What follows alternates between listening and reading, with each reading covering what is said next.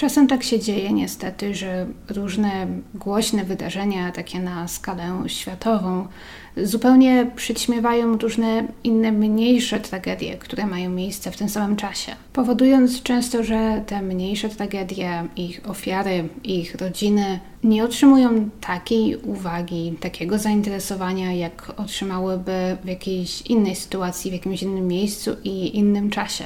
I jeżeli mowa o jakiejś małej tragedii, która może właśnie potrzebuje nagłośnienia, potrzebuje uwagi, to w takim wypadku niestety często rodziny ofiar naprawdę muszą walczyć, aby zostać usłyszanymi, aby gdzieś te ich historie przedostały się do mediów na przykład, ponieważ uwaga wszystkich wtedy skierowana jest zupełnie w innym kierunku. W takiej sytuacji właśnie była rodzina Snechy Ann Philip, lekarki z Nowego Jorku, która zaginęła na dzień przed zamachami z 11 września.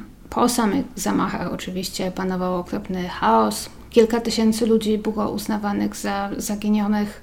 Miasto zasypały ulotki ze zdjęciami bliskich, z osobami poszukiwanymi. I wśród nich właśnie było również zdjęcie Snechy Ann Philip.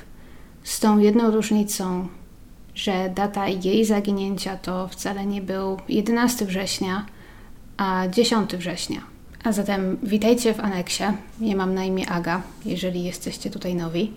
I dziś zajmiemy się fascynującym zaginięciem Snechy Ann Philip, która wyszła wieczorem ze swojego mieszkania, niby tylko na szybkie zakupy. I dziś pomówimy sobie o tym, czy zamachy z 11 września mogły mieć coś wspólnego z jej zaginięciem bezpośrednio albo jakoś pośrednio. Czy możliwe jest, że Sneha padła ofiarą zamachu, jednak nigdy nie znaleziono jej ciała? Czy może przydarzyło jej się coś innego? Czy może ktoś inny zrobił jej krzywdę? Czy może zginęła z ręki kogoś noc wcześniej? I zamachy z 11 września co najwyżej pozwoliły zatuszować to przestępstwo, i sprawcy uszło to na sucho. A może, bo jest też jeszcze taka wersja, Sneha wykorzystała zamachy aby zniknąć i zacząć nowe życie. A zatem o tym dziś będziemy rozmawiać. Bez przedłużania już oczywiście łapcie sobie jakieś piciu i zapraszam. Sneha Ann Philip przyszła na świat w Indiach. Tak dokładniej w południowym stanie Kerala.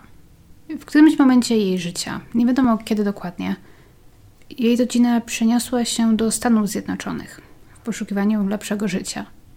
Przenieśli się tam prawdopodobnie, gdy Sneha była jeszcze dzieckiem – Ponieważ Sneha jako już dorosła kobieta mówiła po angielsku bez żadnego słyszalnego akcentu, więc domyślam się, że w Stanach chodziła do szkoły i tam się wychowała.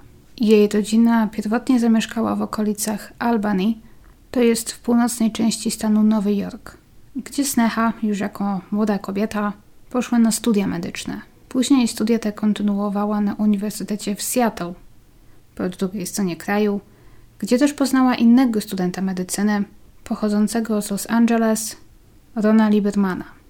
I Sneha zwykle opisywana jest jako dosyć niezależna, artystyczna dusza. Niezwykle inteligentna, znała pięć języków obcych, kochała malować. W czasie studiów zrobiła sobie rok przerwy, aby dzięki temu ona i Ron, który był rok za nią, mogli skończyć studia w tym samym czasie i podczas urlopu dziekańskiego Sneha wyjechała do Włoch na 6 miesięcy, aby zwiedzać, studiować rysunek i malarstwo.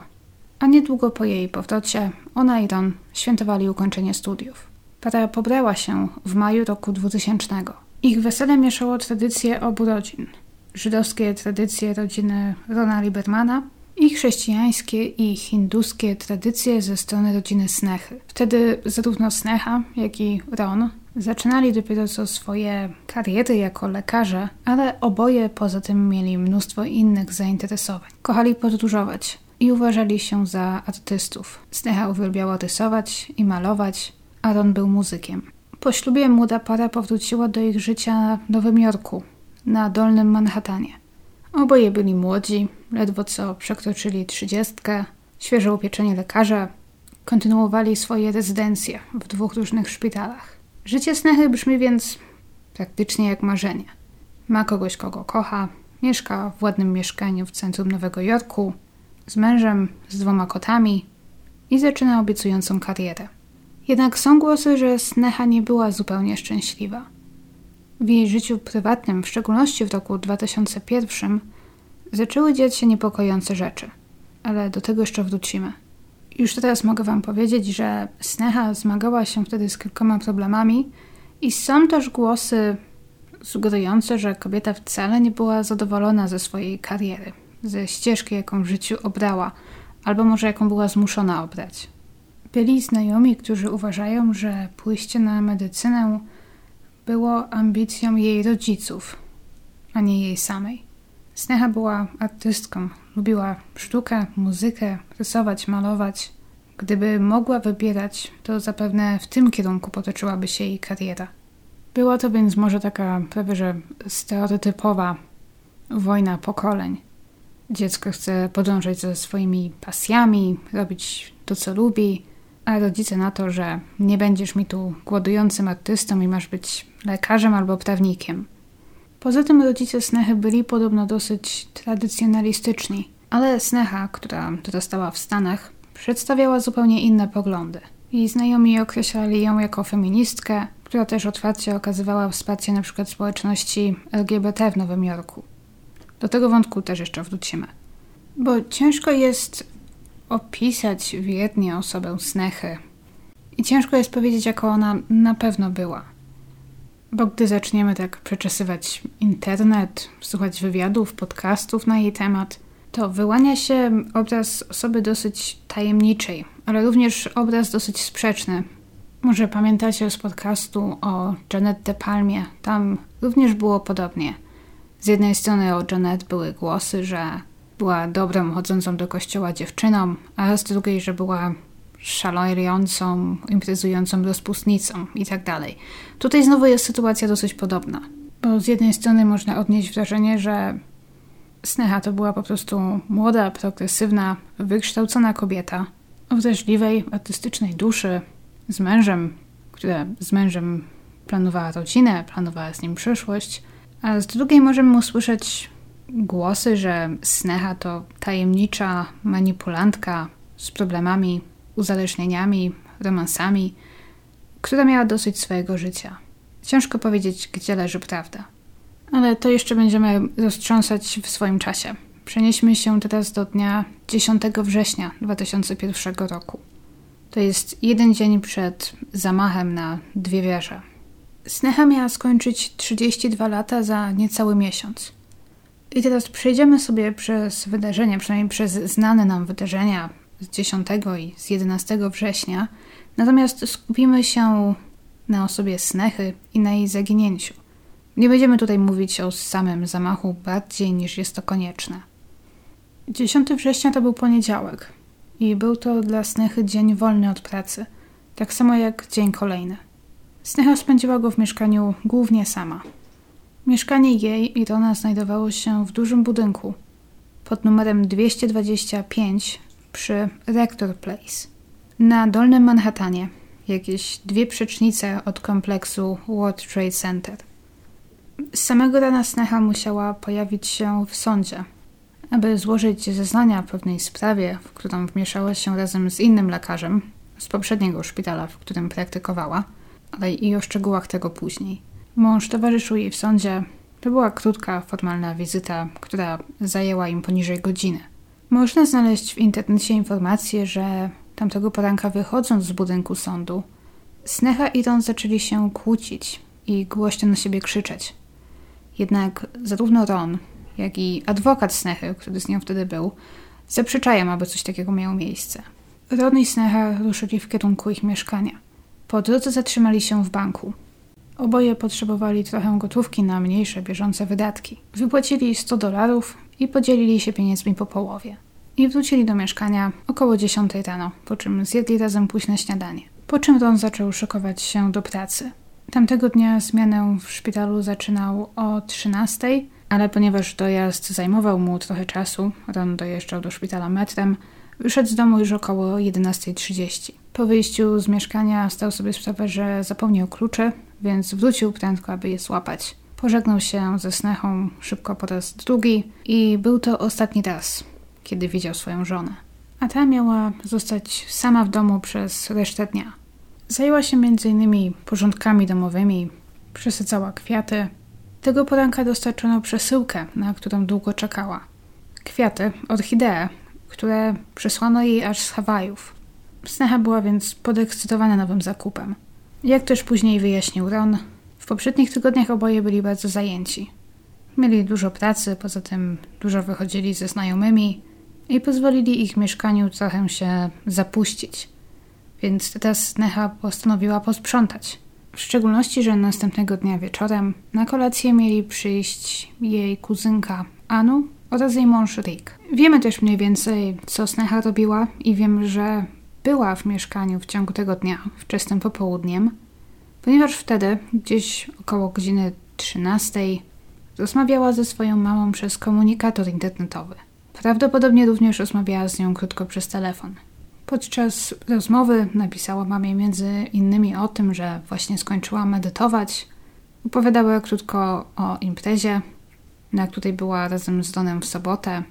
Pisała właśnie też o tym, że musi posprzątać, że ich mieszkanie wygląda tragicznie. Sneha wylogowała się z czatu prawdopodobnie pomiędzy 16 a 17. Nie wspomniała mamie ani słowem o tym, że planuje gdzieś później wyjść. Ale wyszła. Może była to decyzja spontaniczna, a może Sneha nie chciała, aby jej mama o tym wiedziała. Prawdopodobnie pomiędzy 17.15 a 17.30 Sneha wyszła ze swojego budynku i była widziana przez portiera, jak tam miał to później zeznać policji. Ale potem, po 20 latach, ten sam portier zapytany o to, nie mógł sobie przypomnieć tej sytuacji i nie mógł tego potwierdzić. Ale w którymś momencie Sneha musiała wyjść tamtego popołudnia z mieszkania. Ponieważ zostawiła tamtego popołudnia kilka rzeczy w pralni, a stamtąd poszła pieszo do pobliskiej galerii handlowej, czy może raczej powiedzielibyśmy takiego domu handlowego o nazwie Century 21. Wtedy zlokalizowanego po drugiej stronie ulicy, zaraz na wschód od wież World Trade Center. Duży sześciopiętrowy budynek, w którym można było wtedy upolować znacznie przecenione markowe ciuchy, torebki, buty, tego rodzaju rzeczy. I jest tutaj niewielka rozbieżność, jeżeli chodzi o czas, ponieważ w tym sklepie było kilka kamer. I jak później wykazało śledztwo, jedna z nich złapała snechę, jak ta przegląda płaszcze w dziale z odzieżą. Na nagraniu widnieje godzina 16.57. Więc albo ta oficjalna wersja o tym, że Sneha wyszła z domu o 17 jest niepoprawna, portret się może pomylił, albo kamery w sklepie miały źle ustawioną godzinę. Teraz ciężko powiedzieć. Ale na zdjęciach z tego nagrania widzimy Snechę, która jest sama, przegląda ubrania, jest ubrana taką dłuższą sukienkę do kolan, zwykle opisywana jako brązowa, natomiast dla mnie ona wydaje się być raczej taka brudno-zielona, ciemnozielona, nie jestem pewna, i jakieś sportowe buty. Sneha została jakiś czas później uchwycona przez inną kamerę przy wyjściu ze sklepu. Widzimy, jak Sneha wychodzi, trzymając w rękach dużą torbę z zakupami. Na tym nagraniu widnieje godzina 17.09.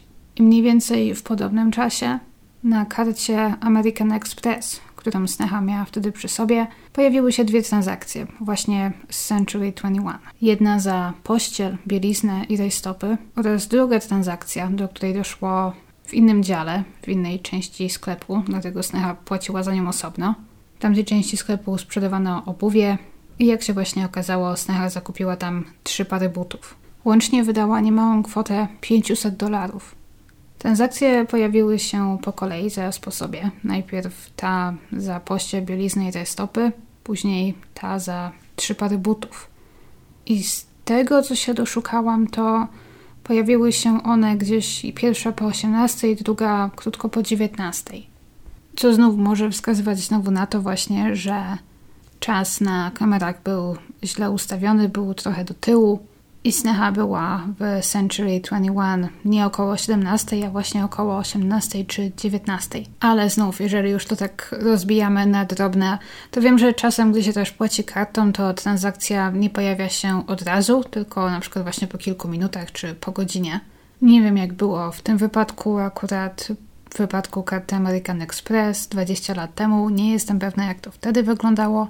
Czy ustalono dokładnie, czy na przykład na rachunku znajdowała się jakaś konkretna godzina i możemy rzeczywiście powiedzieć, że Sneha zeskanowała kartę na maszynie płatniczej w sklepie dokładnie o tej konkretnej godzinie, na przykład o nie wiem 19.05, co oznacza, że to właśnie o tej godzinie zrobiła zakupy i wyszła, czy może niekoniecznie. Innymi słowy, nie wiemy dokładnie o której godzinie Sneha wyszła ze sklepu i skończyła zakupy. Możemy się jedynie domyślać, że było to gdzieś pomiędzy 17 a 19, bliżej 19. Obładowana siatkami wyszła ze sklepu na ulicę Broadway. I potem, po tym, gdy jest uchwycona po raz ostatni, jak wychodzi ze sklepu, światło niej zaginął. Tamtego wieczoru nad Nowym Jorkiem przetoczyła się potężna burza z piorunami. Było ciemno i nieprzyjemnie. Gdzie więc Sneha mogła pójść w taką noc? Bellman, pracujący w jej budynku mieszkalnym tamtego dnia, skończył zmianę o 23. Nie wiadomo nic o tym, aby widział ją wracającą do mieszkania. Niedługo później, około 23.30, jakieś 12 godzin po tym, gdy wyszedł do pracy, Ron Lieberman wrócił do domu. Mieszkanie, poza obecnością ich dwóch kotów, było puste. Ron nie był od razu jakoś szczególnie zaalarmowany. Jeżeli chodziło o pracę snachy, to jej grafik był dosyć prosty. Zwykle pracowała na dniówki, takie standardowe 9 to 5. Ale Ron miał pracę zmianową. Miał zmiany i wcześnie rano, i po południu, i nocne. Czasem wracał do domu bardzo późno, czasem dopiero nad ranem. I z tego, co Ron zeznał, to Snacha nie lubiła być w mieszkaniu sama. W szczególności późnymi wieczorami i nocami. Z tego też powodu często, gdy właśnie Ron pracował na nocki, to ona nocowała czasem u znajomych, czasem u rodziny. W tej samej okolicy, również na Dolnym Manhattanie, mieszkał brat Snechy, więc to często właśnie tam bywała. Piechotą mogła również dotrzeć do mieszkania swojej kuzynki Anu, tej samej, która zresztą później miała przyjść do nich w gości na kolację. I jak właśnie później Ron zeznał pod przysięgą, wiedział, że Sneha sypiała poza domem czasem kilka razy w miesiącu, właśnie głównie w czasie, gdy on pracował do późna lub gdy pracował całą noc. Zawsze jednak wracała do domu od razu z samego rana. Zwykle też zostawiała mu od razu jakąś wiadomość, kartkę albo dzwoniła powiedzieć mu, gdzie jest. Tym razem jednak żadnej wiadomości nie było. Zonowi przyszło do głowy, że Sneha musi być u swojego brata. Wiedział, że o coś się pokłócili jakiś tydzień wcześniej i że byli na takiej trochę wojennej ścieżce. Więc przyszło mu do głowy, że Sneha właśnie może u niego jest, może właśnie o tym rozmawiają, może właśnie się godzą. Przeszło mu przez myśl, że może powinien zadzwonić, upewnić się, że ona tam jest. Ale uznał, że może właśnie jeżeli o czymś poważnym teraz dyskutują, jeżeli są zagłębieni w jakiejś poważnej rozmowie, to uznał, że jednak nie chce im przeszkadzać. Wiedział też, że następny dzień miał być dla Snechy dniem wolnym – więc wiedział, że właśnie nie musiała się spieszyć z pójściem spać czy z powrotem do domu. Inaczej było z nim, z Ronem, bo ten, mimo że pracował tamtego dnia do późna, to już następnego dnia musiał być w pracy o 8 rano. Przypuszczam więc, że dosyć prędko wskoczył do łóżka i poszedł spać. Budzik zadzwonił o 6 rano. Aby zdążyć do pracy na 8, Ron musiał złapać pociąg metra odjeżdżający o 6.30. Gdy wstał, rozejrzał się po sypialni. Snechy dalej nie było. I nie było żadnych oznak tego, że wróciła na noc do domu. Ron poczuł ukłucie niepokoju, ale jednocześnie czuł presję, że nie może spóźnić się do pracy. Ponieważ to nie był pierwszy raz, gdy Sneha nie wróciła do domu na noc. Próbował wyjaśnić sobie to wszystko tak, że Sneha musiała zostać u kogoś na noc. Może skoro 11 września był jej dniem wolnym, to wieczór wcześniej może po prostu z kimś wypiła parę piw za dużo, może zasiedziała się u brata, kuzynki, znajomej i uznała, że bezpieczniej będzie po prostu zostać tam na noc niż wracać po nocy. Co istotnie jest słuszną decyzją, ale on gdzieś tam zapamiętał sobie z tyłu głowy, że musi z nią porozmawiać, że jeżeli tak robi, to zawsze powinna się z nim kontaktować. Zadzwonić i dać znać, że nie wraca na noc do domu. Jak później wykaże wykaz połączeń. W czasie, gdy Ron jak twierdzi, spał. O czwartej rano ktoś wykonał telefon z ich domowego telefonu na komórkę Rona. Sam Ron tego nie pamięta i nie potrafi tego wyjaśnić. Jedyne wyjaśnienie, jakie zaproponował, było takie, że przebudził się nad ranem, zauważył, że Snechy dalej nie ma i złapał za telefon domowy, który domyślam się był w zasięgu jego ręki i zadzwonił z niego na swoją komórkę, aby sprawdzić, czy Snecha nie zostawiła mu może jakiejś wiadomości głosowej. Nie zostawiła, a że zrobił to tak na wpół śpiąc, to nawet tego nie pamiętał. Niektórzy uważają to za dziwne wyjaśnienie, że on może coś ukrywa, ale tak czy inaczej ciężko mi znaleźć jakiekolwiek inne wyjaśnienie, dlaczego ktoś miałby dzwonić z telefonu, który znajduje się w tym samym mieszkaniu na drugi telefon w tym samym mieszkaniu. No chyba, że założymy, że Rona wcale nie było wtedy w domu, nie spał w mieszkaniu o czwartej rano, tak jak twierdzi, a był gdzieś indziej. I to na przykład Sneha wróciła o tej porze do mieszkania i do niego dzwoniła. Natomiast osobiście potrafię sobie wyobrazić, że Ron coś takiego zrobił śpiąc i zupełnie tego nie pamięta. Mnie samej zdarza się, że na przykład obudzę się jakoś wcześnie, nad ranem. Sięgam po telefon, zaczynam przeglądać, czytać wiadomości i na nie odpisywać. Czasem później pamiętam rzeczywiście, że to zrobiłam. Czasem tego w ogóle nie pamiętam. I na przykład zasypiam ponownie, budzę się później rano i znajduję jakąś na wpół napisaną, niewysłaną wiadomość czy e-maila – którego zaczęłam na przykład pisać o czwartej, piątej rano i czego w ogóle nie pamiętam. Więc najwyraźniej jest to możliwe. Ale przechodząc dalej. Na krótko przed 6.30 Ron wyszedł z ich mieszkania i złapał pociąg, który planował złapać. W tym samym czasie wschodziło słońce. Po wczorajszej burzy zapowiadał się piękny, ciepły, słoneczny dzień. W pracy Ron pojawił się punktualnie. Zdążył na zebranie o ósmej. Nie wiedział jeszcze, że oto zaczyna się historyczny dzień dla Amerykanów. Historyczny i tragiczny. Nie upłynęła pierwsza godzina jego zmiany, gdy samolot American Airlines, lot numer 11, został uprowadzony i o 8.46 uderzył w fasadę północnej wieży kompleksu World Trade Center. Szpital Rona zaczął się przygotowywać na falę ciężko rannych ludzi – 17 minut po uderzeniu w wieżę północną o 9.03 samolot United Airlines, lot numer 175, uderzył w wieżę południową. I to też ta wieża zawaliła się jako pierwsza o 9.59. Wieża północna stała dalej i zawaliła się po dokładnie 102 minutach od uderzenia o 10.28. W wyniku zawalenia się tych wież oczywiście różne mniejsze okoliczne budynki również zawaliły się lub uległy uszkodzeniu. Oczywiście poza tym tamtego dnia oprowadzone zostały jeszcze dwa inne samoloty, z których jeden z nich uderzył w Pentagon, ale że nie ma to nic wspólnego ze sprawą Snechy, to, to, to w tym wypadku nie będziemy się tutaj zagłębiać. Ten cały czas znajdował się w szpitalu, Przypuszczam, musiał być śmiertelnie zmartwiony o Snechę. Ich budynek mieszkaniowy w końcu znajdował się zaledwie dwie przycznice od World Trade Center. W czasie dnia miał okazję zadzwonić raz do ich mieszkania, ale nikt nie odebrał. W czym też pewnie nie było niczego dziwnego. Przypuszczał, że okolica została już w tamtym momencie ewakuowana. Jeżeli w momencie ataku Sneha znajdowała się w mieszkaniu, zapewne już je opuściła. Na wszelki wypadek nagrał się na skrzynkę głosową, zostawił wiadomość, że jest w szpitalu i podał numer, pod którym Stecha może się z nim skontaktować.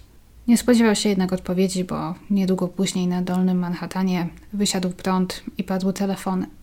Jego szpital dalej szykował się na przyjęcie fali ciężko rannych ludzi, ale tych nie przywieziono tak wielu, jak się spodziewano. Wszystkie szpitale bliżej miejsca zdarzenia zdołały pomieścić rannych. Gdy więc Ron zrozumiał, że nie jest tam jakoś szczególnie potrzebny, uzyskał pozwolenie od szefostwa, aby pojechać na Dolny Manhattan.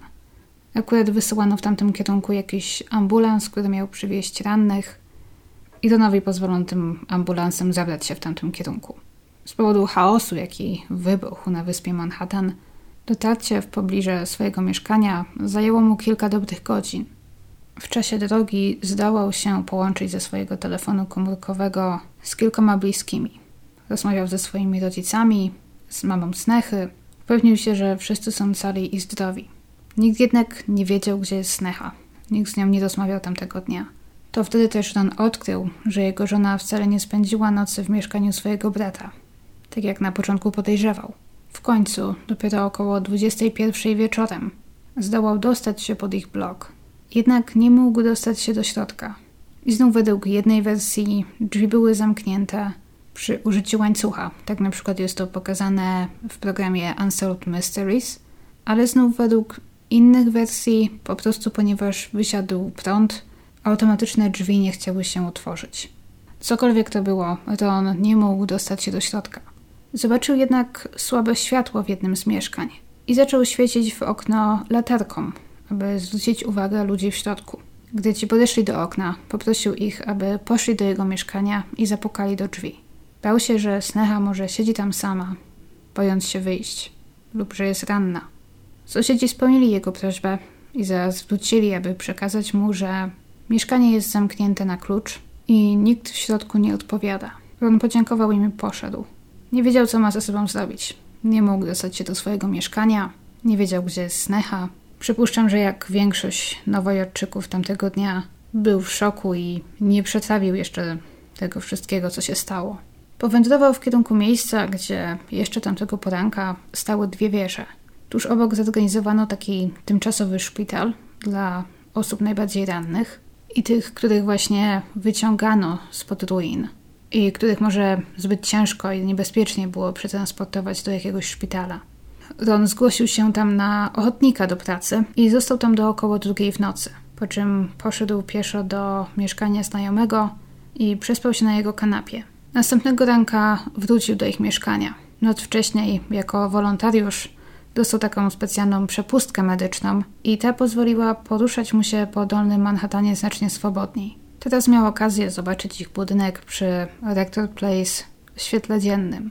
Blok cały był pokryty kurzem i pyłem. Jak się też później okaże, przez okna jednego z mieszkań do środka wpadł kawałek rozbitego samolotu.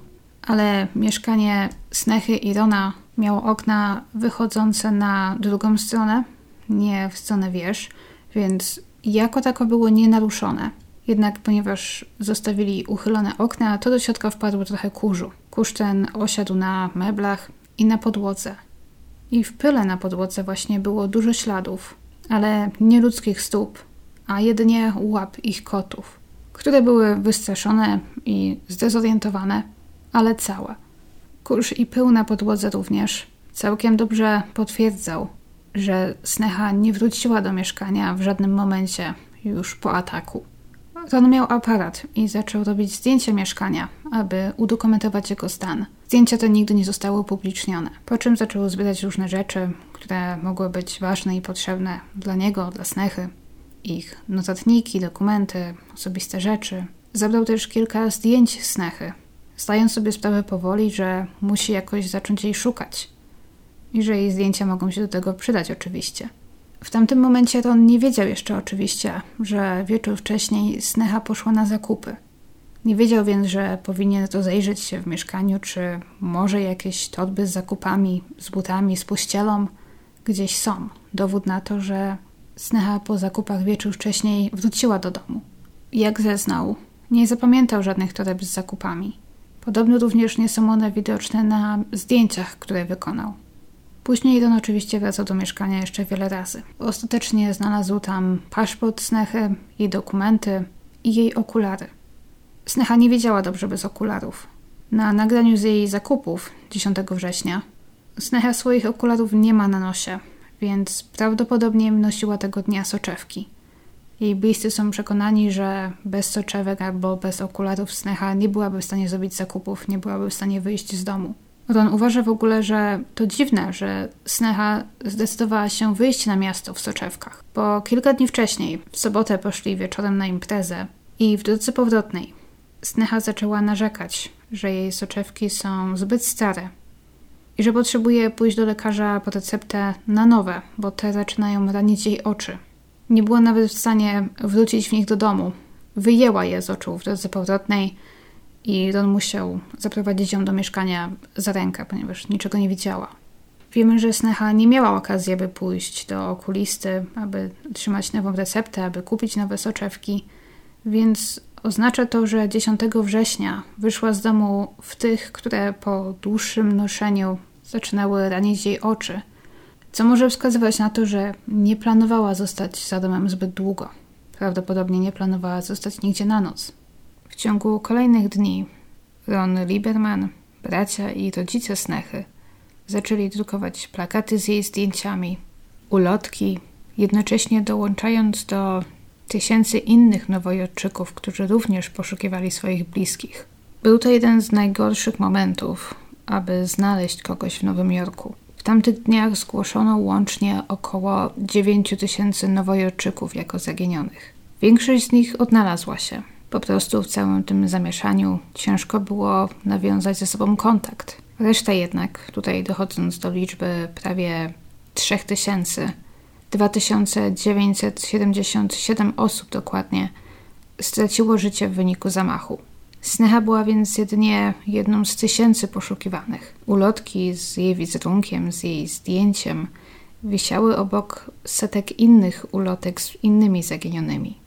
I rodzina Snechy, próbując pokazać jej wizerunek w mediach, próbując zainteresować jej zaginięciem media właśnie, natrafiła na problem. Ponieważ mówili, że Sneha zaginęła dzień wcześniej, z jakiegoś powodu dla dziennikarzy nie było to aż tak interesujące, jak ludzie, którzy zginęli w zamachu. Niewielu dziennikarzy było zainteresowanych, niewielu chciało opowiedzieć jej historię.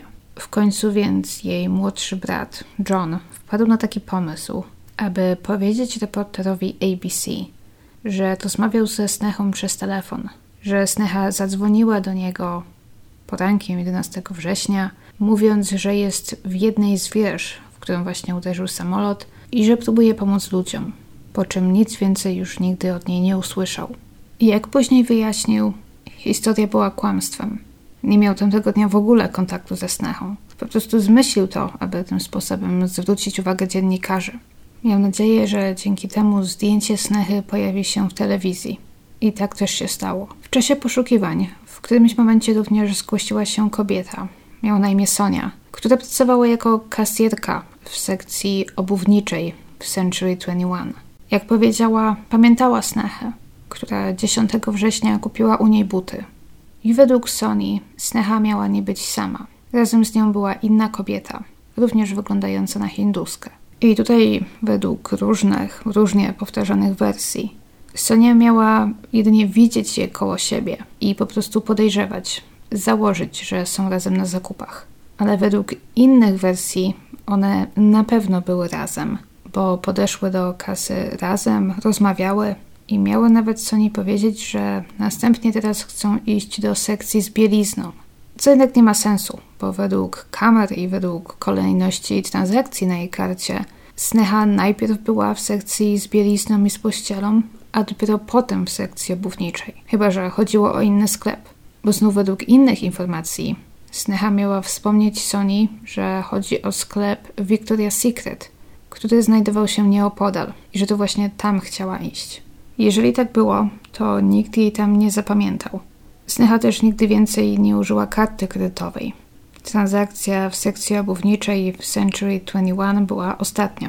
Wiemy, że miała przy sobie około 50 dolarów w gotówce. Jest więc możliwe, że jeżeli zrobiła więcej zakupów, to tym razem z jakiegoś powodu zapłaciła gotówką.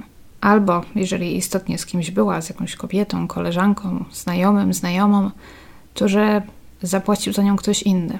Dlatego brak transakcji. I aby ta historia była pełna i aby miała ręce i nogi, musimy tutaj trochę teraz wejść w, nie wiem, życie prywatne Snechy i w jej problemy. Natomiast trzeba od razu zaznaczyć, że nic tutaj tak do końca nie jest pewne. To znaczy, wiele osób w tej historii mówi zupełnie inne rzeczy. Główny policjant, który prowadził śledztwo w sprawie Snechy, opowiada na przykład zupełnie inne historie niż te, które opowiada jej rodzina. Rodzina zatrudniła też dwóch detektywów i oni mówią różne, często rozbiegające się rzeczy.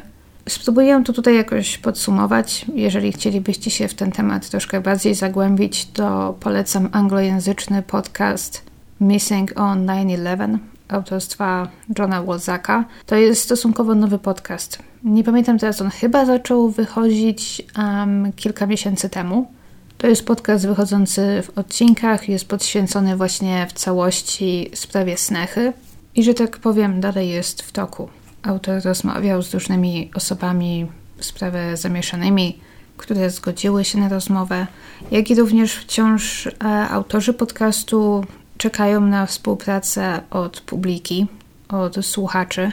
Może nawet ktoś z Was będzie potrafił pomóc. Pod koniec niektórych odcinków informują na przykład, że potrzebują pomocy w znalezieniu różnych informacji, w znalezieniu kogoś, w ustaleniu czegoś. Również jeżeli są wśród Was tacy, którzy może znajdowali się w Nowym Jorku podczas 11 września, to i Wy możecie mieć w swoim posiadaniu coś istotnego, coś, co może sprawie snechy pomóc. Chodzi głównie o zdjęcia, o nagrania. W roku 2001 oczywiście nikt nie miał jeszcze telefonu komórkowego z przyzwoitym aparatem, który mógłby nagrywać to, co się dzieje. Ale dobrze wiemy, że wielu nowojorczyków tamtego dnia, gdy zobaczyło płonące wieże, ciągnęło swoje aparaty, kamery, zaczęło nagrywać, robić zdjęcia. Często też zdjęcia tłumu, ludzi na ulicy. Istnieje jakaś tam możliwość, że na takich nagraniach, zdjęciach wcześniej niepublikowanych gdzieś znajduje się snecha i że takie zdjęcie czy nagranie może stanowić klucz do rozwiązania jej zagadki. I jeszcze raz, ten podcast nazywa się Missing on 9-11. Przypuszczam, zostawię go w opisie pod filmem we wszystkich źródłach, razem z innymi stronami podcastami i tak. No ale co wiemy na temat snechy, właśnie głównie dzięki temu podcastowi? Są podejrzenia, że Sneha mogła mieć tendencję do nadużywania alkoholu. Nie wiadomo, jak poważny był to problem i jak długo trwał, i czy w ogóle był jakiś problem.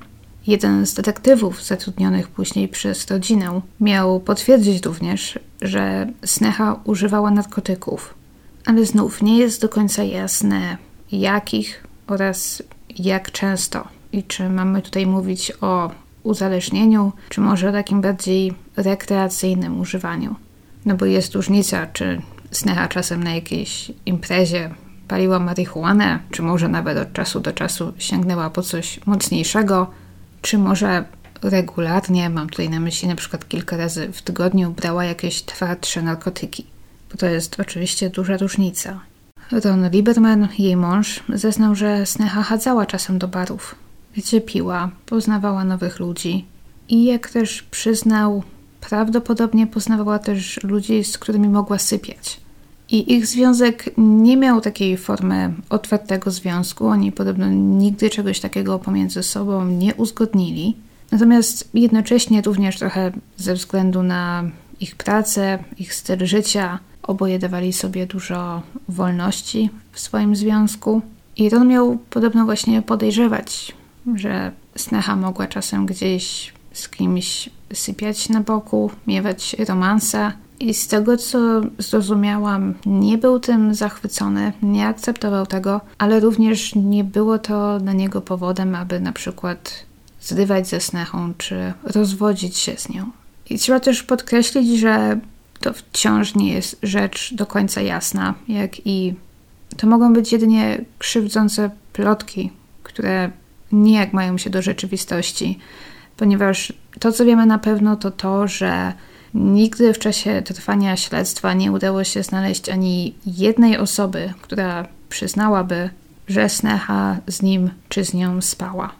Więc to wszystko są, to są niestety spekulacje. Natomiast w czasie zeznania w roku 2004 Ron Lieberman przyznał również, że Sneha lubiła czasem bawić się, imprezować i zostawała często gdzieś po nocach za domem, właśnie w szczególności, gdy jego nie było w domu. Wspominał na przykład sytuację, gdy Sneha wyszła raz gdzieś, gdzie poznała jakąś artystkę, malarkę i dała się jej zaprosić do studia tej malarki i spędziły prawie całą noc malując i Sneha wróciła do domu dopiero nad ranem, cała upaćkana farbą albo innym razem wyszła gdzieś w jakimś barze, natknęła się na jakiś koncert, który jej się spodobał i znów nie planując została tam prawie do bladego świtu. Nie da się ukryć, żyjąc w Nowym Jorku pewnie miała mnóstwo najróżniejszych rozrywek, mnóstwo miejsc, okazji do wychodzenia, bawienia się. Jest możliwe, ale nie potwierdzone, że Sneha również właśnie podczas takiego swojego wychodzenia na miasto mogła poznawać ludzi, z którymi na przykład sypiała z którymi chodziła do ich domów. Co roztrząsamy nie po to, aby ją oceniać, oceniać jej prywatne życie i tak dalej, ale jak wiemy, Sneha gdzieś spędziła noc z 10 na 11 września i do dziś nie wiemy, gdzie była i z kim była prawdopodobnie. Dlatego niektórzy uważają za prawdopodobne, że Sneha po tych swoich zakupach, po tym, gdy wyszła z Century 21 około 19, może poszła gdzieś na kolację, może poszła coś zjeść. Taka była pora, może poszła na drinka, może kogoś poznała, może kogoś spotkała, kogoś jej znanego albo nieznanego i z tą osobą spędziła noc. Ale to nie koniec, jeżeli chodzi o problemy Snechy i o takie niejasne, nie do końca wyjaśnione rzeczy w jej życiu. Jak może pamiętacie, o poranku przed swoim zaginięciem 10 września Sneha musiała stawić się w sądzie, ponieważ kilka miesięcy wcześniej oskarżyła lekarza, z którym wcześniej pracowała, jeszcze w poprzednim szpitalu, o molestowanie. Ta sprawa wyglądała tak, że 21 czerwca 2001 roku, czyli na kilka miesięcy przed swoim zaginięciem na początku lata, Sneha wyszła do jakiegoś baru. Była tam z kilkoma lekarzami, osobami z pracy. I wśród nich właśnie miał być lekarz, którego później oskarżyła o próbę wykorzystania jej. Miało to wyglądać tak, że mężczyzna ten poszedł za nią do toalety w tym barze, rzucił się na nią i próbował pocałować. Sneha zdołała go odepchnąć, wybiegła z baru i wróciła do domu. Tak się składało, że wtedy, w czerwcu, ten lekarz i jego żona oraz Sneha i Ron, jak i inni lekarze, wszyscy mieszkali w tym samym budynku, bo z tego co zrozumiałam, to był właśnie jakiś taki, chyba nie akademik, ale właśnie taki budynek przeznaczony głównie dla lekarzy rezydentów. I to właśnie podobno niedługo po tym wydarzeniu i z tego powodu Sneha i Ron przeprowadzili się do budynku przy reaktor 225, gdzie później mieszkali. Ale tamtego wieczoru, jeszcze w ich poprzednim budynku, Sneha podobno wściekła miała pójść do mieszkania tego lekarza i jego żony, które zresztą podobno znajdowało się na tym samym piętrze. Wdarła się do środka, usiadła u nich na kanapie i odmawiała wyjścia. Następnego dnia złożyła zawiadomienie o policji o popełnionym przestępstwie i miała też w ciągu tego dnia i następnego dnia zadzwonić kilka razy do tego lekarza, jak i do jego żony. Nie znamy nazwiska tego lekarza, którego Sneha oskarżyła, jak i właśnie nie do końca znamy szczegóły tego, co tam między nimi zaszło. To znaczy, nie mówię o oskarżeniu o molestowanie, ponieważ to Sneha wyjaśniła podczas zeznania, podczas zgłoszenia przestępstwa. Natomiast nie do końca jestem pewna, jak miało wyglądać to jej wydzwanianie do nich, rzekome nękanie ich i to, że wtargnęła do ich mieszkania i odmawiała wyjścia. Wszystko to wygląda trochę tak, jakby rzeczywiście do czegoś w tym barze doszło. Lekarz rzeczywiście był czegoś winny i Sneha po prostu wściekła, szukała konfrontacji, może żądała przeprosin, wyjaśnienia sytuacji. Bo to jest kolejna rzecz, która niestety jest niejasna. Bo nagle po kilku dniach, 26 czerwca, z nieznanego powodu, Sneha wycofała te zeznania co poskutkowało tym, że to teraz Sneha miała postawione zarzuty o składanie fałszywych zeznań i o prześladowanie lekarza i jego żony. W efekcie Sneha spędziła jedną noc w areszcie i musiała zatrudnić adwokata. I znów nie do końca wiadomo, co tutaj zaszło, o co tutaj chodzi. Jedyny konkretny komentarz, jaki tutaj od kogoś mamy, pochodzi od męża Snechy, od Rona – który powiedział, że istotnie do tej próby molestowania, czy do molestowania w barze doszło. I to też wpłynęło właśnie na później dziwne zachowanie Snechy I prawdopodobnie też na to, że zaczęła nadużywać alkoholu. Ale dlaczego w takim razie zeznania wycofała? Tego nie jestem pewna. Czy zdała sobie sprawę, że nie ma żadnych dowodów? Nie wiem, czy ktoś ją zastraszył, czy ktoś jej poradził, że tak będzie dla niej lepiej, ponieważ przypuszczam, jeżeli rzeczywiście było tak, jak zostało to opisane, to przypuszczam, nie było żadnych świadków tego zdarzenia, to znaczy tego, gdy ten lekarz się na nią rzucił, nie było żadnych dowodów, więc przypuszczam, że ten lekarz po prostu zostałby uniewinniony z braku dowodów. Więc nie wiem, czy ktoś jej poradził, że z dwojga złego po prostu lepiej te zeznania wycofać, wpłynie to negatywnie na jej karierę, czy może rzeczywiście do żadnego incydentu, do żadnego molestowania nie doszło. To zeznanie było fałszywe, ponieważ, nie wiem, Sneha miała ze sobą jakieś problemy i gdy po kilku dniach zdała sobie sprawę, co zrobiła, wycofała te zeznania. Nie wiem, nie potrafię powiedzieć. Niestety prawie właśnie wszystko, co o niej wiemy, wygląda w ten sposób. Sneha mogła nadużywać alkoholu, może nadużywała narkotyków, ale nie wiemy jakich, nie wiemy jak długo, nie wiemy dlaczego. Oraz Sneha złożyła zawiadomienie na policji, później je wycofała. Nie wiemy, czy dlatego, że do żadnego przestępstwa nie doszło, czy dlatego, że ktoś jej poradził, że lepiej będzie je wycofać. To wszystko może nam chyba jedynie wyjaśnić i sprostować sama Sneha. Można też znaleźć informacje o tym, że na miesiąc przed tym incydentem z oskarżeniami o molestowanie skończył się kontrakt w szpitalu, gdzie Sneha pracowała, czy gdzie była rezydentką. I normalnie ten kontrakt zostałby przedłużony o kolejny rok, o ostatni rok, bo z tego co zrozumiałam, to rezydencja miała trwać 3 lata. Nie wiem, czy zawsze tyle trwa, ale tak miało być w przypadku Snechy i został jej właśnie jeden rok.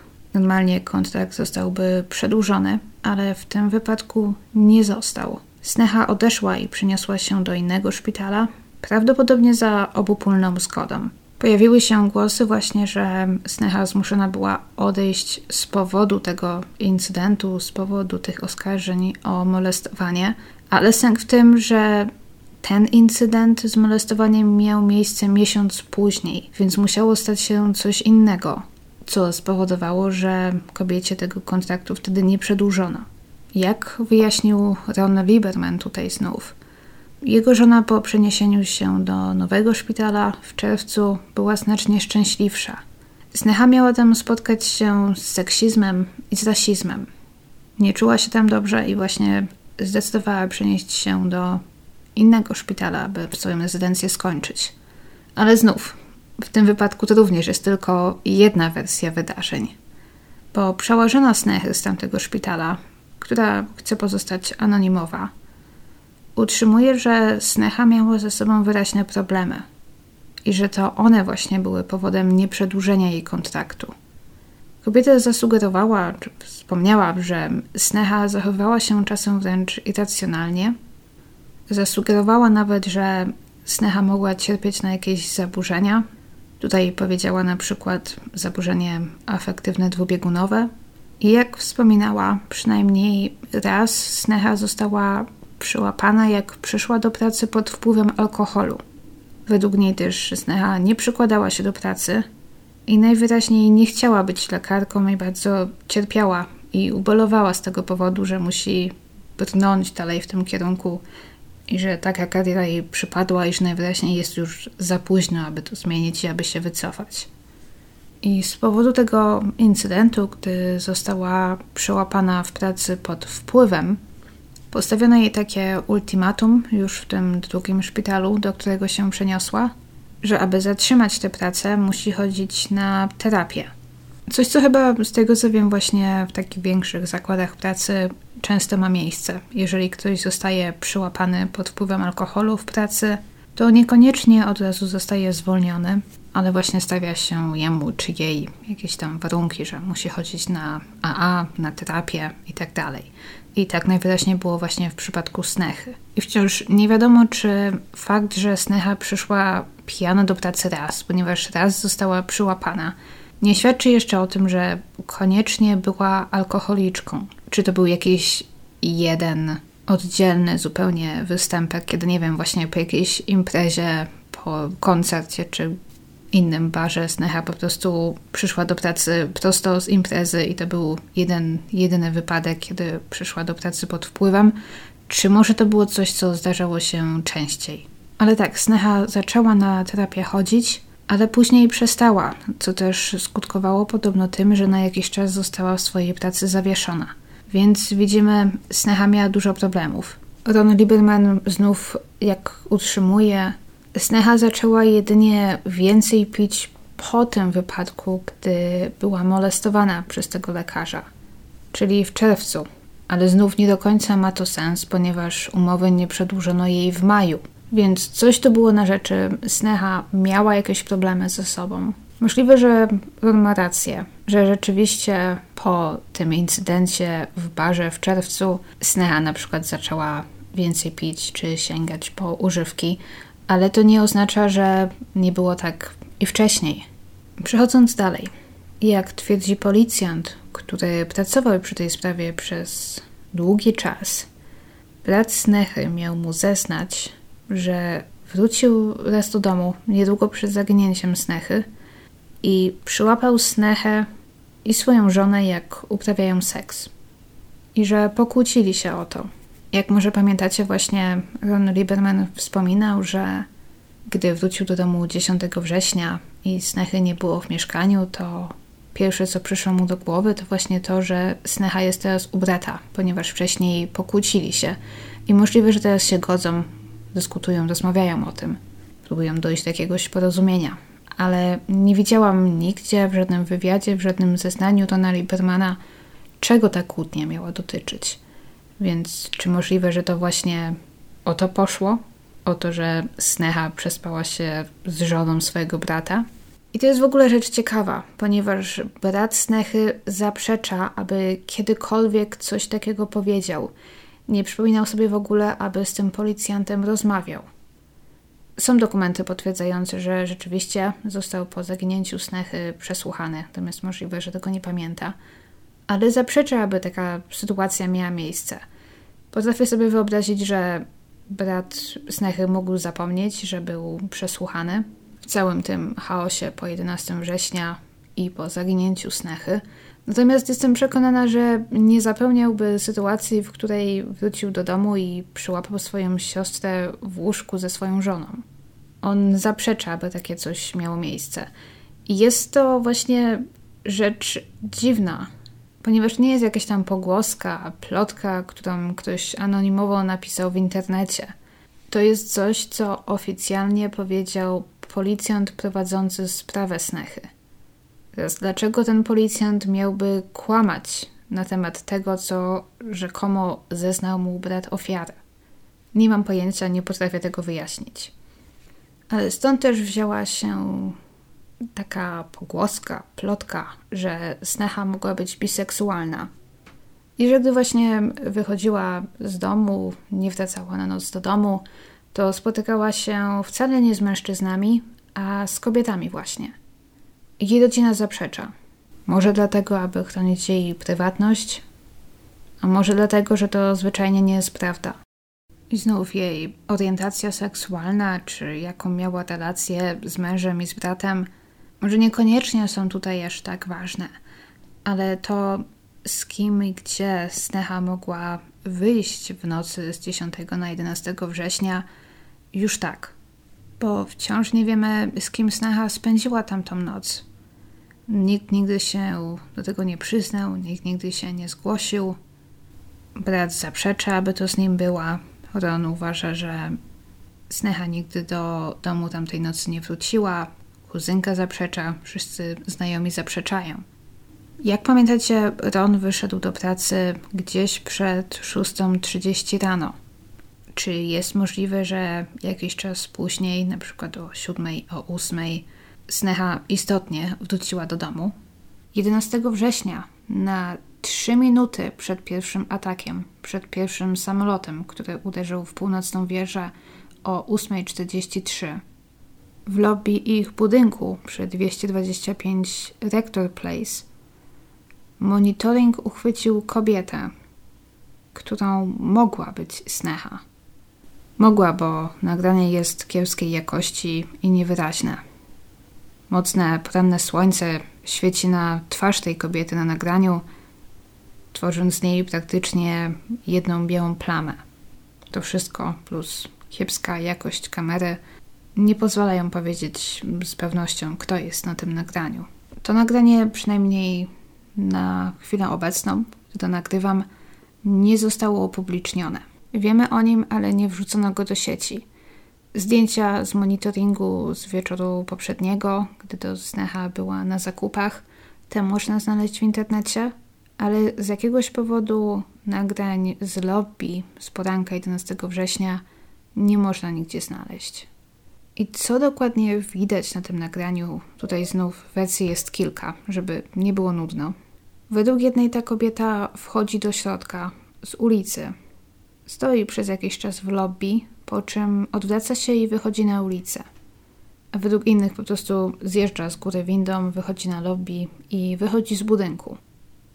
I niektórzy uważają, że może to być snecha. I to, co jest tutaj ważne, to to, że to jest dokładnie na 3 minuty przed pierwszym atakiem.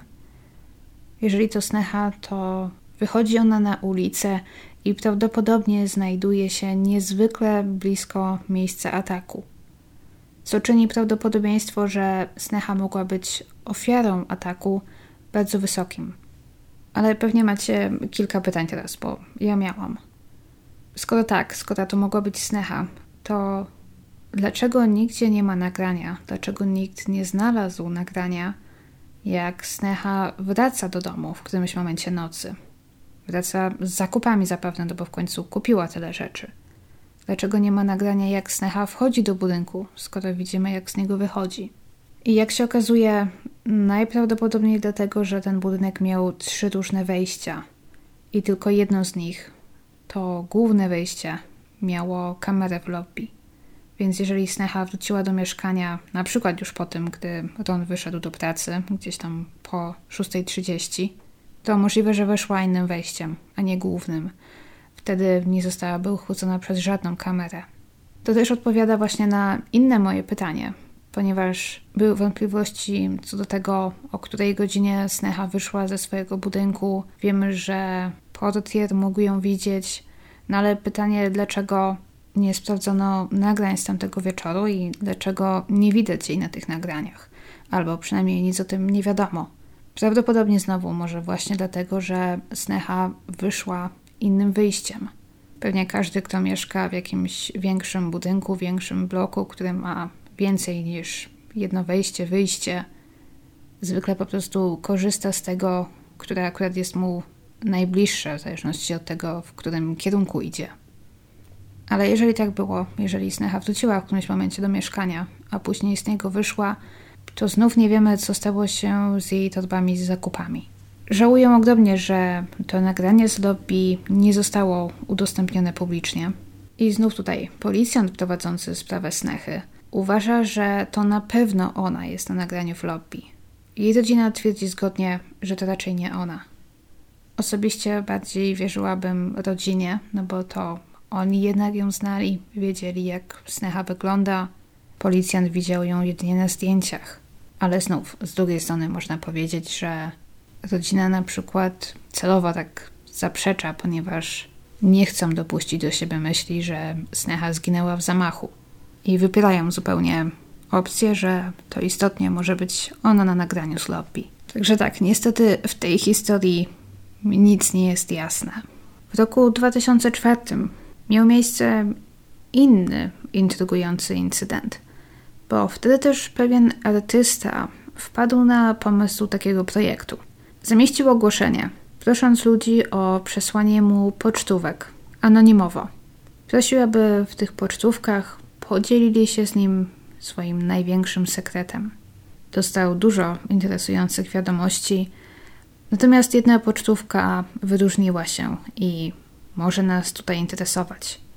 Bo na jednej pocztówce, którą ten artysta otrzymał, nadrukowane były słowa. Wszyscy, którzy znali mnie przed 11 września, myślą, że nie żyją. I na pocztówce ołówkiem naszkicowane były dwie płonące wieże. A jak pamiętacie, może właśnie Sneha malowała, rysowała, szkicowała. Poza tym interesowała się szeroko rozumianą sztuką. Możliwe więc właśnie, że śledziła różne takie projekty, pomysły innych artystów i możliwe właśnie, że natrafiła na to ogłoszenie i zechciała się swoim sekretem podzielić. Nie ma niestety żadnych innych szczegółów co do tej pocztówki. Skąd została wysłana, czy zbadano ją pod kątem, nie wiem, DNA czy odcisków palców. Nie jestem pewna. Możliwe oczywiście, że ta pocztówka to zwykły żart.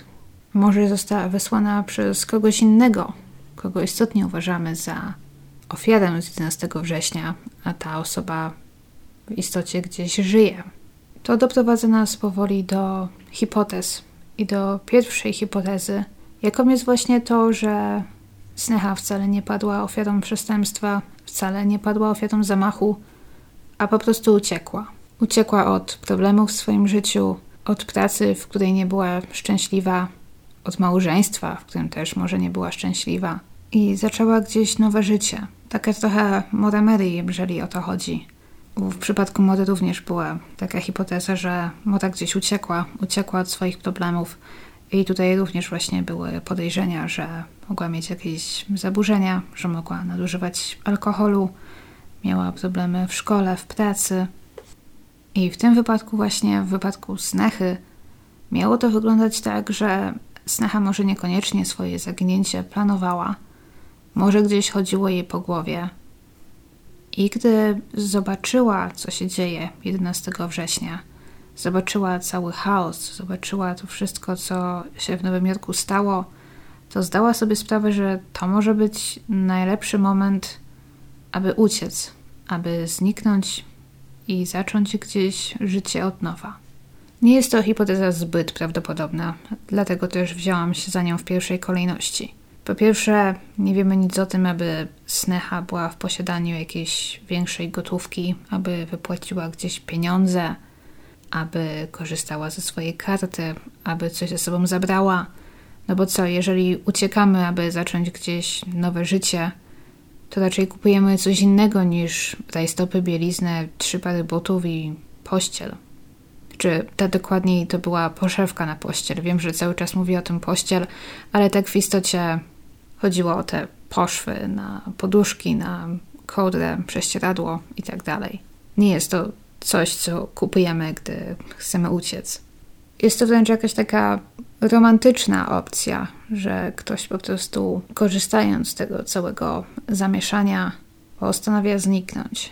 Jest to coś, co może miałoby miejsce w filmie, ale ciężko powiedzieć, czy miałoby w prawdziwym życiu. Wszyscy zgodnie twierdzą, wszyscy jej bliscy zgadzają się, że Sneha była bardzo blisko ze swoją mamą. I nawet gdyby rozstała się z Ronem, gdyby wyjechała z Nowego Jorku i chciała zacząć gdzieś na nowo, to uważa się, że w którymś momencie dałaby znać swojej mamie, że jest cała i zdrowa. Nie pozwoliłaby się jej tak o siebie zamartwiać. Gdzieś tutaj oczywiście jeszcze można wyciągnąć ten argument, że Sneha uciekała przed prawem, że wciąż toczyło się przeciwko niej postępowanie, że groził jej jakiś wyrok za złożenie fałszywego zeznania. Ale tutaj jej adwokat wytłumaczył, że najprawdopodobniej skończyłoby się co najwyżej na wykroczeniu, ale prawdopodobnie po prostu podpisano by jakąś ugodę. Nie groziło jej wcale, że nie wiem, pójdzie do więzienia, czy że poniesie jakieś konsekwencje finansowe. Raczej nie był to powód, aby rzucać swoje dotychczasowe życie i żyć w ukryciu. Inna hipoteza jest taka, że Sneha padła ofiarą przestępstwa, na przykład z nocy z 10 na 11 września, że po prostu zginęła z czyjejś ręki, możliwie jakiegoś nieznajomego. Jeżeli założymy, że Sneha istotnie tamtego wieczoru po zakupach poszła do jakiegoś baru, jak czasem miała w zwyczaju, czy do restauracji, możliwe, że spotkała tam kogoś, może wpadła na kogoś znajomego, może zupełnie nieznajomego, może nawiązała z kimś konwersację i skończyło się tak, że spędziła na przykład z tą osobą noc. Jak wiemy, miała w zwyczaju. To nie musiał być koniecznie romans, to mogła być właśnie taka sytuacja, w której Sneha zgodziła się pójść do czyjegoś studia, aby obejrzeć pracę tego artysty czy artystki i razem malować. Z tym, że tym razem natrafiła na kogoś, kto niestety zrobił jej krzywdę. Jeżeli tak się stało, to ten przestępca miał niesamowite szczęście, bo chaos, który nastąpił następnego dnia, najwyraźniej pomógł mu ukryć to, co się stało, pozostać niezauważonym i wszystko uszło mu na sucho. Przynajmniej uchodzi, uchodziło przez ostatnie 20 lat, ponieważ teraz mija 20 lat od zamachów i tym samym od zaginięcia Snechy. I teraz przejdźmy do ostatniej, najbardziej złożonej hipotezy. Jaką jest to, że Sneha padła ofiarą zamachu? Bo jeżeli Sneha na przykład była gdzieś w pobliżu World Trade Center w momencie, gdy pierwszy samolot uderzył w wieżę, to możliwe, że jej pierwszą reakcją było na przykład podejść, aby zobaczyć, co się dzieje. Gdy pierwszy samolot uderzył o 8.46, nie wszyscy widzieli samolot. Niektórzy zobaczyli dopiero płonącą wieżę. Na początku sądzono, że może doszło do jakiegoś wypadku. Widziałam rozmowy z ludźmi, ze świadkami tego całego zdarzenia, którzy mówili, że ich pierwszą myślą, gdy usłyszeli, że w wieżę uderzył samolot, było właśnie to, że był to jakiś wypadek.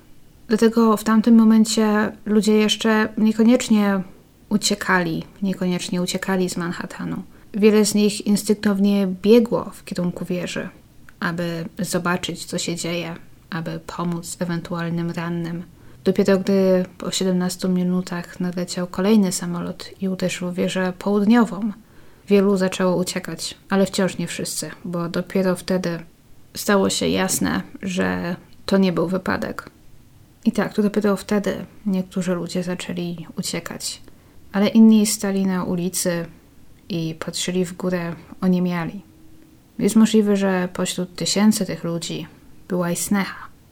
Wiemy, że byli ludzie, którzy zginęli albo zostali poważnie ranni już na ulicy w momencie, gdy samolot uderzył w wieżę, jeszcze przed zawaleniem. Byli ludzie, którzy zostali uderzeni na przykład fragmentami samolotu, fasady budynku, oraz, co uznałam chyba za wyjątkowo okropną śmierć, czy wyjątkowo bolesne obrażenia, bo byli też tacy, którzy zostali na przykład poparzeni paliwem samolotu, które spadło z góry. Wśród nich mogła być Sneha. Ale jeżeli tak, jeżeli Sneha była wśród rannych, albo była tam, ponieważ pomagała tym ludziom, to powinien był zostać po niej jakiś ślad – ponieważ wiemy, że ci ranni zostali zabrani, zostali odsunięci gdzieś, zanim wieże runęły. Więc gdyby Sneha była gdzieś w pobliżu wież w momencie zamachu, to znaleźlibyśmy ją, żywą lub martwą, ale znaleziono by jej ciało. A tego, jak wiemy, nie ma. Inna opcja jest też taka, że Sneha była w środku jednej z wież, gdy doszło do ataku. To mogłoby wyjaśniać, dlaczego nigdy nie znaleziono jej ciała. Po wielu ludziach, którzy byli w samolotach oraz którzy znajdowali się na tych wyższych piętrach, w które samoloty uderzyły, często nie, pozostał, nie pozostało nic, nie pozostał najmniejszy ślad. Jednak znów, jak wyjaśnia jej mąż Ron, on i Sneha nigdy nie chodzili do World Trade Center. Nie mieli żadnego powodu, aby tam być, w szczególności żadnego powodu, aby być w tych wieżach. W obu wieżach znajdowały się głównie biura, siedziby firm. Żadne z nich tam nie pracowało. Nie znało nikogo, nie miało powodu tam nikogo odwiedzać. Sneha nie miała żadnego powodu, aby tamtego poranka być w jednej z tych wież. Ale czy na pewno? Bo teoretycznie są dwa miejsca, gdzie Sneha mogła być. World Trade Center to oczywiście nie były tylko dwie wieże, to był cały kompleks kilku budynków. Wśród nich był m.in. hotel Marriott, który znajdował się dokładnie pomiędzy dwiema wieżami. Po tym, gdy wieże runęły, praktycznie nic z tego hotelu nie zostało. Na YouTube jest dokument na ten temat, jeżeli ktoś byłby zainteresowany. Przypuszczam, że również gdzieś w źródłach się znajdzie. Było kilka osób, które w tym hotelu były przez cały czas i które przeżyły zawalenie się obu wież.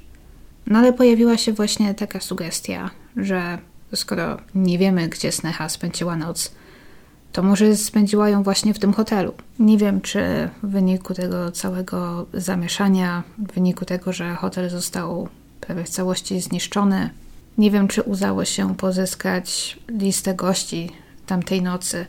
Czy wiemy na 100%, znamy nazwiska wszystkich ludzi, którzy się w hotelu zatrzymywali. Jeżeli tak, to najwyraźniej Snechy wśród nich nie było.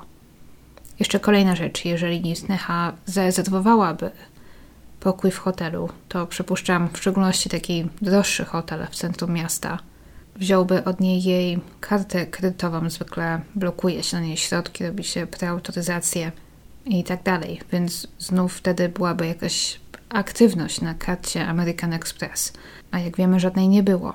Możliwe jest oczywiście, że Sneha zatrzymała się w hotelu z kimś jeszcze i to ta osoba na przykład zarezerwowała pokój na swoje nazwisko, dała swoją kartę i tym sposobem żadnego cyfrowego śladu po tym, że Sneha w tym hotelu się znajdowała, nie ma. Ale mimo to, jeżeli tak by było, to wciąż jej szczątki powinny były zostać znalezione. Powinno było dojść do identyfikacji, a nie doszło. Jest jeszcze restauracja Windows on the World, która znajdowała się na szczycie wieży północnej, tak dokładniej na piętrach 106 i 107. To była elegancka, droga restauracja. Sneha miała jakiś czas wcześniej wspomnieć swojej mamie, że chciałaby tam kiedyś pójść na kolację, obejrzeć tę restaurację, ponieważ jej przyjaciółka miała mieć tam swoje przyjęcie z okazji ślubu w kwietniu przyszłego roku. Poza Windows on the World były tam jeszcze dwie mniejsze restauracje. Hors i Cellar in the Sky, dedykowana winom. Jest więc możliwe, że Sneha zdecydowała się obejrzeć restaurację i może zjeść w niej śniadanie, a nie obiad czy kolację, jak to powiedziała mamie na początku. Jeżeli tak, to albo nie zdążyła zapłacić kartą tamtego dnia, albo zapłaciła gotówką, albo ktoś zapłacił za nią, ponieważ na potwierdzenie jej obecności tam nie ma żadnego cyfrowego śladu. Jest jeszcze jedna rzecz. Wieża północna została uderzona o 8.46, ale zawaliła się jako druga o 10.22. Czyli wieża stała ponad półtorej godziny, zanim runęła, a samolot uderzył pomiędzy 93 i 99 piętrem. Dlatego też ludzie, którzy znajdowali się tamtego poranka w restauracji, przeżyli początkowe uderzenie. Wiemy to m.in. dlatego, że w czasie tej półtorej godziny przed zawaleniem wielu gości, wielu pracowników restauracji zaczęło dzwonić, a to po pomoc do swoich bliskich itd. Tak w tym czasie nie nadszedł żaden telefon od Snechy, jak wiemy, ani do jej męża, ani do mamy, do brata, przyjaciół, nikogo. Natomiast nie wiadomo, czy Sneha w ogóle posiadała wtedy telefon komórkowy.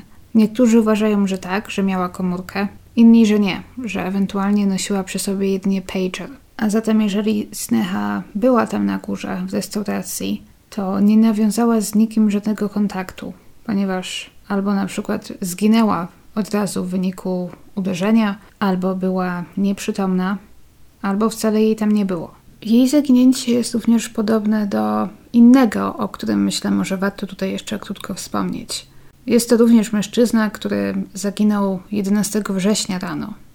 Juan Lafuente, bankier, który wyszedł wcześniej rano z domu, aby, jak sądziła jego rodzina, pojechać metrem prosto do swojego biura na Wall Street. Jak później ustalono, o 8.06 rano zeskanował swoją kartę, pozwalającą mu dostać się do metra. Około od 15 do 20 minut powinno było zająć mu dojechanie metrem do przystanku na Wall Street, gdzie pracował. Co oznacza, jak szacowano, że w momencie ataku, w momencie, gdy pierwszy samolot uderzył w wieżę, powinien był znajdować się gdzieś w swoim biurze, albo przynajmniej wystarczająco daleko od wież. Także nie powinien był ucierpieć. A jednak Juan przepadł. Nie było po nim śladu. I na początku właśnie pojawił się taki pomysł, jak w przypadku Snechy, że Juan, widząc to, co się dzieje, popędził, aby pomóc poszkodowanym, w efekcie czego zginął. Ale znów, jeżeli tak, to gdzieś na ulicy pod gruzami powinno było zostać znalezione jego ciało, a takowego nigdzie nie było. Z czasem więc jego rodzina doszła do takiego wniosku. Odkryli, że Juan miał zaproszenie na konferencję firmy Risky Waters, która o poranku 11 września miała miejsce w restauracji Windows on the World właśnie. Na konferencję zarejestrowało się 81 osób. Jednak oferowano podczas niej darmowe śniadanie, kawę, poczęstunek i wierzy się właśnie, że więcej osób, przykład zaproszonych, ale niekoniecznie zarejestrowanych, pojawiło się na konferencji. Bliscy Juana, jak przyznali, wierzą, że wcale nie interesowała go sama konferencja, lecz mogło zainteresować go darmowe śniadanie. La Fuente był znany ze swojej niezwykłej oszczędności. Odkładał podobno i skąpił każdy grosz. Do tego stopnia, że pomimo, że był całkiem zamożnym bankierem pracującym na Wall Street, to co dzień na przykład zaglądał do koszy na śmieci w poszukiwaniu aktualnej gazety, aby nie musieć kupować nowej. Więc jego bliscy doszli do wniosku, że jeżeli Juan miał okazję przed pracą zjeść śniadanie za darmo, to pewnie to zrobił. I jego rodzina, jak tłumaczyli na początku, nie mogli się pogodzić z tym, że Juan zginął w zamachu. Również przez długi czas chcieli po prostu uważać go za zaginionego, mieć nadzieję, że gdzieś zostanie znaleziony. Pytanie, czy Isneha może mogła w tej restauracji tamtego dnia wylądować? Ta konferencja pewnie jej nie interesowała, ale kto wie, może na przykład spotkała się z kimś, spędziła noc z kimś, kto był tam zaproszony. Albo potrafię też sobie wyobrazić taką sytuację. Sneha gdzieś się z kimś spotkała, może spędziła u kogoś noc i na przykład właśnie wracając do domu przyszedł jej do głowy taki pomysł, że jest piękna pogoda, ona chciała kiedyś odwiedzić tę restaurację na szczycie wieży i dlaczego by nie wybrać się tam na śniadanie. Ale to są tylko domysły. Nie ma żadnych najmniejszych dowodów, żadnych śladów na to, że Sneha istotnie tamtego dnia postawiła nogę, czy to w restauracji, czy w którejś z wież w ogóle. A jej rodzina, trochę podobnie jak rodzina Juana Lafuente. Na początku chcieli uważać Snehę za zaginioną. Nie mogli dopuścić do siebie myśli, że Sneha mogła stracić życie w zamachu. Nie można im się dziwić. W końcu kobieta nie wróciła do domu wieczór wcześniej. Poza tym, jak wszyscy zgodnie twierdzą, Sneha nie miała żadnego powodu, żadnego celu, aby tamtego dnia być gdzieś w wieżach. Natomiast później, z upływem czasu, gdy spojrzeli na tę sprawę z innej perspektywy, doszli do wniosku, że jednak śmierć w wyniku zamachu zdaje się być tutaj najbardziej prawdopodobna. Trochę czasu to zajęło, trochę walki na drodze sądowej, ale w końcu ostatecznie w roku 2008 wywalczyli wpisanie Snechy Ann Philip na listę ofiar zamachów z 11 września. Jej nazwisko znajduje się też na pomniku w miejscu, gdzie kiedyś stały obie wieże. Jej nazwisko można znaleźć na pomniku południowym, gdyby ktoś kiedyś był i chciał poszukać. I jeżeli Sneha rzeczywiście była gdzieś w tych wieżach i istotnie stała się ofiarą zamachu, to wcale też nie jest aż tak dziwne to, że jej ciało, żadne ślady po niej nie zostały znalezione. Z tych prawie 3000 ofiar, jedynie około 60% osób zostało zidentyfikowanych na podstawie ich szczątków, na przykład. Po wielu ofiarach nie został żaden ślad. Czy to dlatego, że z powodu wysokiej temperatury, jaka się wytworzyła, z powodu uderzenia, z powodu pożaru, jaki zaczął się podsycany innymi paliwem samolotowym, po wielu ludziach praktycznie nic nie zostało. Poza tym w całym tym zamieszaniu tych tonach gruzu, który oczywiście wtedy zalał dolny Manhattan, podejrzewa się, wiele mogło zostać przeoczone. Widziałam nawet wiadomości o tym, że kilka lat temu na wysypisko, gdzie te gruzy zostały wywiezione, wciąż znajdowano ludzkie kości, ludzkie szczątki. Więc jeżeli Sneha była gdzieś wtedy w wieżach, to nie jest aż tak dziwne, że jej ciała nigdy nie znaleziono. Z tym, że wiele osób, których właśnie ciał nigdy nie znaleziono, znacznie łatwiej było założyć, wyredukować, że te osoby padły ofiarami ataku, ponieważ byli to ludzie, którzy na przykład pracowali w wieżach, albo ludzie, którzy właśnie na przykład użyli karty kredytowej w restauracji, czy użyli telefonu komórkowego, żeby zadzwonić, powiedzieć bliskim, co się dzieje. To właśnie dzięki temu między innymi można było ustalić, że ci ludzie niestety stracili życie w wyniku ataku, mimo że nie ma po nich śladu. W wypadku Snechy nie możemy być tego pewni. Jak i nie możemy też być pewni, nie mamy pojęcia, gdzie Sneha spędziła noc z 10 na 11 września. Gdzieś musiała być. Jestem ciekawa, co sądzicie. Ja osobiście mam taką teorię, taką hipotezę, że nigdy nie doszliśmy do tego, nikt nigdy nie doszedł do tego, gdzie Sneha spędziła tamtą noc oraz z kim była, ponieważ możliwie była to jakoś przelotnie poznana osoba. A to dlatego, że nie znaleziono niczego e, ani na jej komunikatorze internetowym, ani żadnych połączeń wychodzących z ich do, telefonu domowego, na przykład niczego sugerującego, że Sneha planowała się tamtego dnia z kimś spotkać. Nie umówiła się z żadnym znajomym, koleżanką.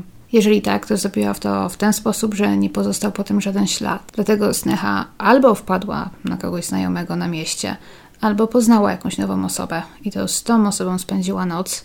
I nigdy tej osoby nie znaleźliśmy, ta osoba nigdy się nie ujawniła, ponieważ prawdopodobnie niestety tak samo jak Sneha i ta osoba straciła życie w wyniku zamachu. To mogła być ta tajemnicza kobieta, z którą Sneha rzekomo robiła zakupy, ale nie jest jasne, czy jakaś kobieta w ogóle była, bo na, tym, bo na tych pierwszych nagraniach, gdy Sneha przegląda płaszcze w Century 21, widzimy wyraźnie, że Sneha jest sama. Nikogo z nią nie ma, nie wydaje się, żeby Sneha się gdzieś odwracała, z kimś rozmawiała. Nie możemy tego powiedzieć też na pewno, ponieważ wiecie, to była jedna z tych kamer, no cóż, no, był to rok 2001, która nawet nie tyle nagrywa, co po prostu robi zdjęcie tam co sekundę czy dwie. Więc nie możemy nawet dokładnie powiedzieć, co się dzieje. Na tym drugim nagraniu, gdy Sneha wychodzi z sekcji obuwniczej, obok niej istotnie widziana jest jakaś inna kobieta, również idąca z siatką tuż obok niej. Niektórzy uważają, że to właśnie jest ta hinduska, którą miała widzieć kasjerka Sonia. Ale znów jakość nagrania czy tego zdjęcia nie jest na tyle dobra, aby powiedzieć, czy te kobiety naprawdę idą razem, wychodzą razem, czy po prostu tak się złożyło, że były osobno, ale na przykład, nie wiem, były przy dwóch różnych kasach, skończyły zakupy w tym samym momencie i akurat po prostu wychodzą ze sklepu w tym samym momencie. Ciężko powiedzieć. Jestem ciekawa, co sądzicie. Czy słyszeliście o sprawie Snechy i co uważacie jest najbardziej prawdopodobne, że jej się przydarzyło? I to chyba tyle na dziś ode mnie. Dziękuję Wam za słuchanie. Dziękuję za oglądanie. Dziękuję również wszystkim, którzy zostawiają komentarze, subskrybują, zostawiają łapki w górę. Dziękuję wszystkim za Wasze wsparcie, za korzystanie z linka afiliacyjnego do taniej książki. Dziękuję patronom i słyszymy się za tydzień. Trzymajcie się, pa!